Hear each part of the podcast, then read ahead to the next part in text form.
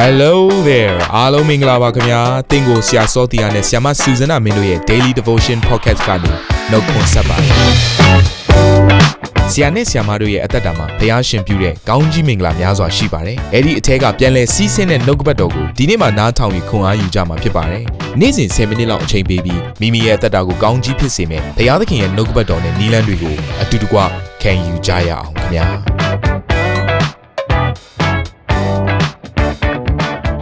အားလုံးကိုမင်္ဂလာပါလို့အားနှုတ်ခွန်းဆက်ပါတယ်ကျွန်တော်တို့ဒုတိယနေ့အတွက်နှုတ်ကပတ်တော်ကိုဆက်ပြီးလေ့လာကြမယ်ဒီတစ်ပတ်တာတော့အတွင်းမှာ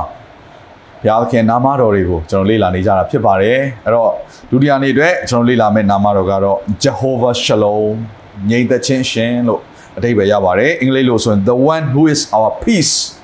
เนาะကျွန်တော်တို့ရဲ့ငြိမ်သက်ခြင်းရှင်အော်ငြိမ်သက်ခြင်းလို့ပြောလိုက်ပြီဆိုတာ ਨੇ ယေရှုခရစ်တော်ကိုကျွန်တော်တို့ကเนาะအာနားလည်ပြီးသားဖြစ်ပါတယ်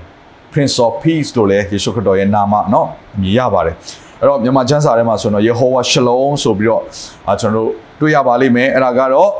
တရားသူကြီးမှတ်စာထဲမှာရှိတဲ့ဂိတောင်ရဲ့အဖြစ်ဖြစ်เนาะဒါကတော့ဣသရေလလူမျိုးတွေကိုဘုရားသခင်ကထုတ်ဆောင်ပြီးသွားတဲ့အခါမှာသူတို့ခါနန်ပြည်တွေကိုရောက်ပါပြီသို့တော်လည်းပဲသူတို့သိမ့်ပိုက်ရမယ့်နေမြေအားလုံးကိုမသိမ့်ပိုက်ဘဲနဲ့ရန်သူတွေကိုဒီတိုင်းထားခဲ့တဲ့အခါမှာထိုရန်သူတွေရဲ့ ညှဉ်းပန်းနှိပ်စက်ခြင်းတွေနှောက်ယှက်ခြင်းတွေကိုဣသရေလလူမျိုးတွေကနှစ်ပေါင်းများစွာယာနဲ့ချီပြီးတော့ဆက်လက်ကြုံတွေ့ရတယ်။ဘုရားသခင်အဲ့ဒီချိန်မှာတရားသူကြီးတွေလို့ခေါ်တဲ့သူရွေးချယ်သောသူတွေကိုခါတဲ့နေရာချပြီးတော့သူကဣသရေလလူမျိုးတွေကိုဆက်လက်ပြီးတော့ဥဆောင်ခိုင်းပါတယ်နော်။အဲ့ဒီထက်ကတယောက်ကတော့ဂီတောင်ဖြစ်တယ်။အဲ့တော့ဂီတောင်ရဲ့အသက်တာကတော့သူများနဲ့မတူထူးခြားတာကတော့သူဟာဘလို့မှခေါင်းဆောင်ဖြစ်လာစရာအကြောင်းမရှိတဲ့သူဖြစ်ပါတယ်။နော်။ဒါကိုကျွန်တော်နားလည်ဖို့လိုတယ်။အဲ့တော့ဂီတောင်ရဲ့အသက်တာဟာဒီနေ့နားထောင်သော နော်သူတစုံတစ်ယောက်နဲ့များတူနေတယ်ဆိုရင်သင်ရဲ့အသက်တာထဲမှာလိုအပ်သောအရာကငြိမ်သက်ခြင်းဖြစ်တယ်ထိုသခင်ပဲဖြစ်ပါတယ်ဆိုတော့ဒီတောင်ကသူ့ကိုဖခင်ကရွေးချယ်တဲ့ကံကောင်းကင်တမန်ကရောက်လာပြီးတော့နော်ဒီရွေးချယ်တဲ့အမှုရာနဲ့ပတ်သက်ပြီးသူနဲ့စကားပြောတဲ့ချိန်မှာဂီတောင်ဘက်ကတုံ့ပြန်မှုကပါလဲဆိုတော့သူဟာအာနေတော်သူဖြစ်တယ်သူ့ရဲ့အမျိုးဟာလည်း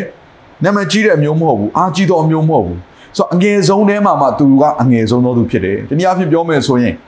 ဒီဣသရေလလူမျိုးကိုခေါင်းဆောင်ဖို့ရန်အတွက်အရေးချင်းပဲကြည့်မလားမျိုးရိုးပဲကြည့်မလားဂုံအရှိန်ဝါပဲကြည့်မလားဘယ်နေရာမှာမှနော်တင့်တော်တဲ့လူမဟုတ်ဘူးလို့ထင်စရာငါလူအနေနဲ့ရှိတယ်သို့တော်လည်းဖခင်ကမဟုတ်ဘူးမင်းကိုငါရွေးတယ်ဒီလိုမျိုးပြောပါတယ်တောင်ဒီနေ့ဒီနေရာမှာရှိတော်သူတစ်စုံတစ်ယောက်ကနော်ကိုယ့်ရဲ့အသက်တာထဲမှာဖခင်ရွေးချယ်လာပြီဆိုရင်သတိရစေခြင်းတယ်နော်ကိုကထိုက်တန်လုံးလုံးမဟုတ်ဘူးကိုကိုအတိဆုံးဖြစ်ပါလိမ့်မယ်ကိုကအားနေတော်သူဖြစ်တယ် အနေကြဆုံးသောသူလည်းဖြစ်နိုင်တယ်ပညာရေးမှာအားနေသောသူလည်းဖြစ်နိုင်တယ်နော်ကိုကိုတောသားဆိုပြီးတော့တောမှာနော်တောကအခြေအနေတွေကိုကြည့်ပြီးတော့ဒါကိုကိုအားမရတဲ့သူလည်းဖြစ်နိုင်ပါတယ်ဆိုတော့ဂိတောင်ရဲ့အခြေအနေကအဲ့လိုအခြေအနေမှာသူကြော်ဖြတ်နေရတဲ့တိုင်းနိုင်ငံရဲ့အခြေအနေကရန်သူတွေကအမြဲညှင်းပန်းနှိပ်စက်နေတာစစ်တရားလာတိုက်ပြီအဲ့တော့သူကရိုးရိုးခေါင်းဆောင်မဟုတ်ဘူးစစ်တိုက်ရမယ့်ခေါင်းဆောင်ဖြစ်လာပြီဆိုတော့သူ့ရဲ့တာဝန်ကအင်မတန်ကြီးပါတယ်သေရေးရှင်ဖြစ်ပါတယ်အဲ့တော့သေရသက်တာမှာလည်းသေရေးရှင်ရဲ့အခြေအနေတစ်ခုကိုကြုံတွေ့လာရပြီဆိုရင် သိကြတဲ့ညိတဲ့ချင်းရှိမှာမဟုတ်ဘူးအဲ့ဒီချိန်မှာတင့်ကိုဖခင်ကမတ်တက်ရက်ခိုင်းမယ်ဆိုရင်ပိုတော်ဆိုးသွားပြီနော်ဖခင်ကကိုဘာလို့ရွေးတာလဲအဲ့လိုအခြေအနေအဲ့တော့အခုကျွန်တော်တို့တိုင်းနိုင်ငံရဲ့အာအခြေအနေတွေကိုစဉ်းစားကြည့်မယ်ဆိုရင်လည်းဒီလိုပါပဲနော်အဆိုးဆုံးသောအချိန်အခက်ခဲဆုံးသောအချိန်တွေမှာဘုရားသခင်ရွေးချယ်တဲ့ဂိတောင်လိုလူမျိုးတွေရှိလာနိုင်တယ်အဲ့တော့ဒီနေ့ကျွန်တော်တို့တိုင်းနိုင်ငံလိုအပ်တာလည်းပါပဲလေငြိမ်သက်ခြင်းပဲဖြစ်တယ်ဒါကြောင့်ဒီနေ့တစ်ခါတည်းမှာဘုရားသခင်ဟာလုံးဝမထင်မှတ်ထားတဲ့သူတွေကိုတိုင်းနိုင်ငံအတွက် ချီးမြှောက်ပြီးတော့မတ်တက်ရခိုင်းတဲ့အချိန်ရှိပါတယ်။နော်မိကုန်းထုတ်စရာအကြောင်းရှိတယ်ဂီတောင်လို့ပေါ့။ဘုရားသခင်ကျွန်တော်ဘာလို့ရွေးရလဲ။အဲ့တော့ဒီအဖြစ်ပြက်လေးမှာနော်ဂီတောင်ကသူ့ကိုဘုရားကရွေးချယ်ပြီးသွားတဲ့ခါမှာနော်သူကရစ်ပူဇော်ကိုပြင်ဆင်တယ်နော်ရစ်ပလင်ပြင်ဆင်ပြီးတော့ခါရစ်ပူဇော်တဲ့အရာတွေကိုလှုပ်ဆောင်တယ်အဲ့တော့ကျွန်တော်ကျမ်းစာလေးဖတ်ချင်တယ်နော်။တရားသူကြီးမှတ်စာအာခန်းကြီး6အငယ်21ကနေကျွန်တော်စဖတ်ချင်တယ်ထို့အခါထာဝရဘုရား၏ကောင်းကင်တမန်သည်မိမိကင်သောတောင်ဝေးကိုဆန်၍အမဲသားနှင့် တဆေးမဲ့မုံပြားတို့ကိုတို့သဖြင့်ကြောက်သေးကမိထား၍အမဲသားနှင့်တဆေးမဲ့မုံတို့ကိုလောင်ပြီးမှထာဝရဘုရား၏ကောင်းကင်တမန်သည်ကွယ်လေ၏ထာဝရဘုရား၏ကောင်းကင်တမန်ဖြစ်သည်ကိုဂိတောင်သည်သိမြင်သောအခါအိုအရှင်ထာဝရဘုရားအကျွန်ုပ်သည်ထာဝရဘုရား၏ကောင်းကင်တမန်ကိုမျက်နှာချင်းဆိုင်၍မြင်ရပါပြီတကားဟုလျှောက်တော်ထာဝရဘုရားကချမ်းသာပါစေမစိုးရိမ်နှင့်တင်းသည်သေပေးနှင့်လွတ်လျက်ရှိသည်ဟုမိန်တော်မူ၏ထိုရက်၌ဂိတောင်သည်ထာဝရဘုရားဖို့ရစ်ပလင်ကိုတည်၍ ယေဟောဝါရှလုံအမည်ဖြင့်မှဲ့လေ၏အဲ့တော့ဒီကျမ်းစာလေးကိုကျွန်တော်တို့အာဖတ်ခြင်းအပြင်ကျွန်တော်တို့နားလည်လိုက်ရတဲ့အရာတစ်ခုကတော့ဂီတောင်ဟာနောက်ဆုံးမှာထိုရစ်ပလင်ကိုနော်ထိုအရက်ကိုဘယ်လိုနာမည်ပေးလဲဆိုတော့ယေဟောဝါရှလုံဆိုပြီးတော့ထိုရက်ကိုသူကနာမည်ပေးပါတယ်အဲ့တော့ဒီနေ့ဣသရေလလူမျိုးတွေရဲ့အသက်တာထဲမှာဂီတောင်အားဖြင့်ပြန်လည်ပြီးတော့ညီဝချင်းချမ်းသာကိုရသလိုပဲ ကီတောင်ရဲ့အသက်တာမှာလည်းအဆိုးဆုံးသောအခြေအနေမှာအယုံညံ့ဆုံးသောသူကခေါင်းဆောင်တစ်ယောက်အနေနဲ့မတ်တက်ရတဲ့ခါမှာစိုးရိမ်မှုတွေပူပန်မှုတွေနော်ညင်သက်ချင်းကိုလိုအပ်တဲ့ခါမှာဘုရားသခင်ကသူ့ကိုစိတ်ချမှုပေးတယ်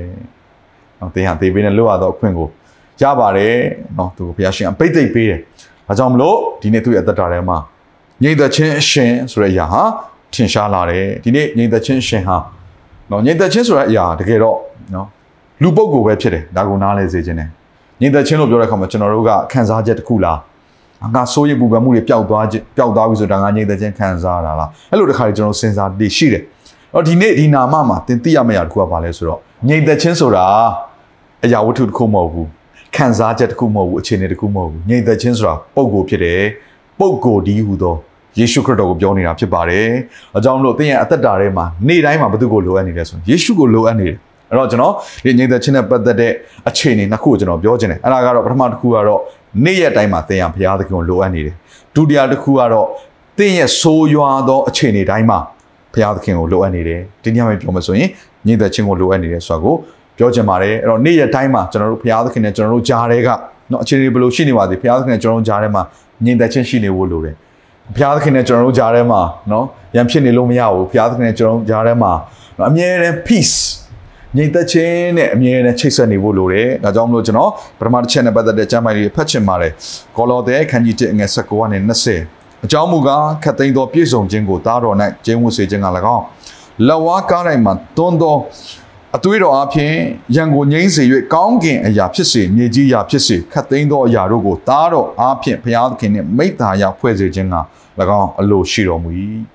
သင်နဲ့ကျွန်တော်ဟာဒူးစရိုက်နဲ့ပြည်တော်သူတွေဖြစ်တယ်။ကျမ်းစာကတော့ဘုရားသခင်နဲ့ယံဘက်ပြုတော်သူတွေလို့သတ်မှတ်ပါတယ်နော်။အဲ့တော့ကျွန်တော်တို့ကြားထဲမှာညီသက်ချင်းကိုဖြစ်စေတာဘာလို့လဲ။ယေရှုခရစ်တော်ပဲဖြစ်တယ်။ဘာအဖြစ်လဲ။ထိုခရစ်တော်ရဲ့လက်ဝါးကားတိုင်းတော်တရားအဖြစ်ဖြစ်တယ်။ယောမခန်းကြီး9အငယ်1မှာထို့ကြောင့်ငါတို့သည်ယုံကြည်ခြင်းရှိ၍ဖြောက်မတ်ရာသို့ရောက်လင်ငါတို့သခင်ယေရှုခရစ်အားဖြင့်ဘုရားသခင်ရှေ့တော်၌ညီသက်ချင်းကိုခံစားကြ၏။ တခါဟေရှာအခန်းကြီး50ခွန်အငယ်20ကနေ21မှာမတရားသောသူတို့မူကားမငြိမ်နိုင်ပဲလှုပ်ရှား၍ရှွန့်နှင့်အမိုက်ကိုပက်သောပင်လယ်ရေနှင့်တူကြ၏မတရားသောသူတို့၌ငြိမ်သက်ခြင်းမရှိဟုငါ၏ဘုရားသခင်မိန်တော်မူ၏မတရားသောသူဆိုတာဘယ်သူကိုပြောတာလဲအပြစ်ဒူးဆိုင်အားဖြင့်နှမွနေသောသူတွေဘုရားသခင်နဲ့ရံဘက်ပြုသောသူတွေဘုရားသခင်ကိုမသိသောသူတွေဘုရားသခင်ကိုပုံကံ၍ညှင်းဆန်သောသူများကိုဒီနေ့ကျမ်းစာကဒီလိုပဲသတ်မှတ်ပါတယ်ထိုသူရဲ့အသက်တာထဲမှာ ငြိမ်သက်ခြင်းကိုဘယ်တော့မှရှာမတွေ့ဘူးနော်ခဏတာငြိမ်သက်ခြင်းတော့ရနိုင်တယ်ကိုလိုတဲ့အရာလေးတွေပြည့်စုံနေဒါပေမဲ့စစ်မှန်တဲ့ငြိမ်သက်ခြင်းဆိုတဲ့ထိုယေရှုခရစ်တော်ကိုမရမချင်းကတော့အသက်တာထဲမှာဘယ်တော့မှငြိမ်သက်ခြင်းကိုခံစားမှာမဟုတ်ပါဘူးဒီဒုတိယအခြေအနေတစ်ခုကတော့ကျွန်တော်တို့အသက်တာထဲမှာဆိုးရွားတဲ့အခြေအနေငြိမ်သက်ခြင်းကိုရှာဖွေဖို့ရင်အင်မတန်မှခက်တဲ့အခြေအနေတစ်ခုကိုကြုံရနိုင်ပါတယ်နော်လူတိုင်းကပြဿနာတွေဒုက္ခဆင်းရဲနေကြော်ဖြတ်နိုင်တယ်အဲ့ဒီအခြေအနေမှာလည်း ဒီနေ့ယေရှုခရစ်တော်ကကျွန်တော်တို့ကိုဂရုပေးခဲ့ပါတယ်အဲ့ဒါကတော့ယောဟန်ခန်းကြီး14အငယ်20ခွန်ဖြစ်တယ်ငြိမ်သက်ခြင်းကိုသင်တို့၌ငါထားခဲ့၏ငါဤငြိမ်သက်ခြင်းကိုသင်တို့အားငါပေးလောကီသားတို့ပေးတဲ့ကဲ့သို့ငါပေးသည်မဟုတ်သင်တို့စိတ်နှလုံးပူပန်ခြင်းစိုးရိမ်တုန်လှုပ်ခြင်းမရှိစေနဲ့လူတိုင်းရဲ့အသက်တာထဲမှာစိုးရိမ်ခြင်းပူပန်ခြင်းတွေရှိပါတယ်သို့တော်လည်းယေရှုခရစ်တော်ကိုယတော်သူတွေအသက်တာမှာတော့ငြိမ်သက်ခြင်းရပြီးသားဖြစ်တယ်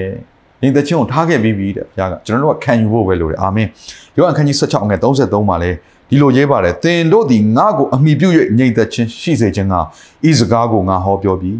သင်တို့သည်လောက၌ဆင်းရဲဒုက္ခကိုခံရကြလိမ့်မည်သို့တော်လည်းမစိုးရင်ကြနှင့်ငါသည်လောကကိုအောင်ပြီဟုမိန့်တော်မူ၏အဲ့တော့လူတော်များများကဆင်းရဲခြင်းရဲ့အဝေးကိုရောက်ချင်တယ်နော်ချမ်းသာခြင်းကိုပဲလိုချင်တယ်ဆင်းရဲဒုက္ခကိုမလိုချင်ဘူးအဲ့တော့အသက်တာထဲမှာ ဆင်းရဲဒုက္ခမကြုံရတဲ့လူဆိုတာမရှိပါဘူးเนาะအဲ့တော့အဲ့ဒီဆင်းရဲဒုက္ခတွေကြုံရတဲ့အခါမှာအဖြေကတစ်ခုပဲရှိတယ်အဲ့ဒါကဘာတူလဲဆိုတော့ယေရှုခရစ်တော်ပဲဖြစ်တယ်เนาะခံစားချက်တစ်ခုမဟုတ်ဘူးအခြေအနေတစ်ခုမဟုတ်ဘူးပံပိုးမှုတစ်ခုမဟုတ်ဘူးကျွန်တော်တို့ကိုတကယ်စစ်မှန်တဲ့ငြိမ်သက်ခြင်းစိတ်ချခြင်းကိုပေးနိုင်တာယေရှုခရစ်တော်တပါးပဲရှိတယ်ဆိုတော့ဒီနေ့ပြောပြခြင်းနဲ့အဲ့တော့ကျွန်တော်ဓမ္မဟောင်းချမ်းထဲမှာအဖြစ်ပြလေးတစ်ခုရှိပါတယ်เนาะဒါလေးကိုပြောပြီးကျွန်တော်အဆုံးသတ်ခြင်းနဲ့အဲ့ဒါကတော့နောအေးရဲ့ သင်္ဘောဖြစ်ပါတယ်ကဘာကြီးကိုရေလွှမ်းမိုးခြင်းအပြင်ဘုရားသခင်တရားစီရင်တဲ့အခါမှာနောအေးကိုဘုရားရှင်ကသင်္ဘောဆောက်ခိုင်းတယ်နော်နှစ်အကြာကြီးသူသင်္ဘောဆောက်ယုံကြည်ခြင်းနဲ့ခြေလှမ်းလှမ်းတဲ့အခါမှာနောက်ဆုံးမှာနောအေးနဲ့သူ့ရဲ့မိသားစုကဲ့တင်ခြင်းရတယ်။အဲ့အဲ့ထဲမှာနောအေးတို့မိသားစုနဲ့အတူပါသွားတဲ့နော်တတက်ရှိတွေရှိပါတယ်အဲ့ဒါကတော့ဒိဋ္ဌံတွေအတွဲလိုက်တွဲလိုက်စုံတွဲလိုက်ပါသွားပါတယ်ဟောကျွန်တော်တို့ဒီကျမ်းစာကိုလေ့လာတဲ့အခါမှာအဲ့နော်ရီသင်္ဘောထဲမှာနော်ဒိဋ္ဌံတွေဟာတကောင်နဲ့တကောင်ရံမဖြစ်ကြဘူး နော်ကျမ်းစာထဲမှာရံဖြစ်တယ်လို့မှတ်တမ်းမတင်ထားဘူးအဲ့ဒီအဲ့ဒီသင်္ဘောထဲမှာညိတ်သက်ချင်းရှိနေတယ်အဲ့ဒီသင်္ဘောထဲမှာအဆင်ပြေနေကြတယ်နော်တကယ်တော့အဲ့ဒီသင်္ဘောထဲမှာနော်စူညံပွက်လောရိုက်နေရမှာနော်တိရစ္ဆာန်တွေရောတစ်ခါလူတွေရောတိရစ္ဆာန်ဆိုတာလည်းမျိုးစုံနော်မတည့်တဲ့တိရစ္ဆာန်တွေကလည်းတပုံကြီးပဲပြောမယ်ဆိုရင်တော့ဒါပေမဲ့အဲ့ဒီသင်္ဘောတွေကိုရောက်သွားတဲ့အခါမှာ ညိတဲ့ချင်းကဖြစ်သွားတယ်ရံဖြစ်ချင်းတွေမရှိတော့ဘူးဒါဆိုအဲ့ဒီသင်္ဘောကဘာကိုပုံဆောင်လဲဆိုရင်ကဲတင်သောယေရှုခရစ်တော်ကိုပုံဆောင်တယ်ဒီနေ့ကျရင်ကျွန်တော်တို့ကိုတရားစီရင်ခြင်းဆိုတဲ့အရာနော်ကျွန်တော်ကတော့အချိန်မှာကျွန်တော်တို့ရဲ့အပြစ်ဒုစရိုက်ကြောင့်ကျွန်တော်ငရဲကိုသွားမှာဖြစ်တယ်သို့တော်လည်းပဲယေရှုခရစ်တော်ကိုမိမိရဲ့ကယ်တင်ပါရှင်နဲ့အရှင်သခင်ဖြစ်ရရှိထားတဲ့သူတွေကတော့ဘာနဲ့တူလဲဆိုတော့စောစောက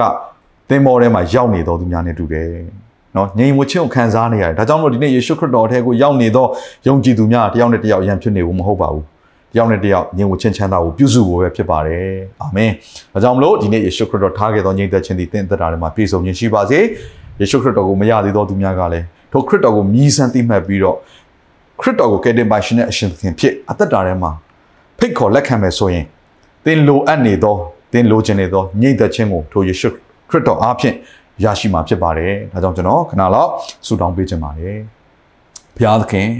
ဒီလောကကြီးဟာဆိုးရုပ်ခြင်းတွေပျက်စီးခြင်းတွေကိုပဲသွားနေပါတယ်။ဆင်းရဲဒုက္ခကလည်းရှောင်လို့မရသလိုစုံစမ်းနောက်ဆက်ခြင်းများစွာနဲ့ပူလောင်သောလောကကြီးဖြစ်ပါတယ်။သို့တော်လည်းပဲဒီလောကထဲမှာရှိတဲ့အချိန်မှာပင်ညိတ်သက်ခြင်းကိုငါသင်တို့၌ထားခဲ့တယ်ဆိုရယ်စိတ်ချခြင်းကိုပေးတော်ဘုရားယေရှုဘုရားကိုရောတပါးကြီးပဲရှိပါတယ်။ဒါကြောင့်ဒီနေ့နှုတ်ကပတ်တော်ကိုနားထောင်နေသောသူတစ်စုံတစ်ယောက်ကကိုရောကိုလိုပါက သူတို့ရဲ့အသက်တာထဲမှာကိုရောကိုဖိတ်ခေါ်လက်ခံကြိုးဆိုခြင်းအပြင်ဒီလောကမှာရှာ၍မရနိုင်သောဘယ်သူမှမပေးနိုင်သောဘယ်အရာကမှစိတ်ချမှုမပေးနိုင်သောထိုငြိမ်သက်ခြင်းထာဝရနဲ့ဆိုင်သောစစ်မှန်သောငြိမ်သက်ခြင်းကိုတော့ပေးပါသူတို့ရဲ့အသက်တာမှာငြိမ်သက်ခြင်းကိုဖြစ်စေပါဖဖျားသခင်ယေရှုဖျား Prince of Peace ငြိမ်သက်ခြင်းအရှင်ကိုတော့ကိုကျွန်တော်တို့ကြိုးဆိုကြပါတယ်ကိုတော့ကောင်းကြီးပေးပါငြိမ်သက်ခြင်းကိုကိုတော့အသက်တာထဲမှာတောင်းလောင်းပါမိကြောင်းဒီနေ့ဆုတောင်းကြပါတယ် ကိုရောနာမကိုအမိပြုတဲ့အသက်တာများကိုစက္ကန့်အနံလျက်ဆုတောင်းကြပါ၏အာမင်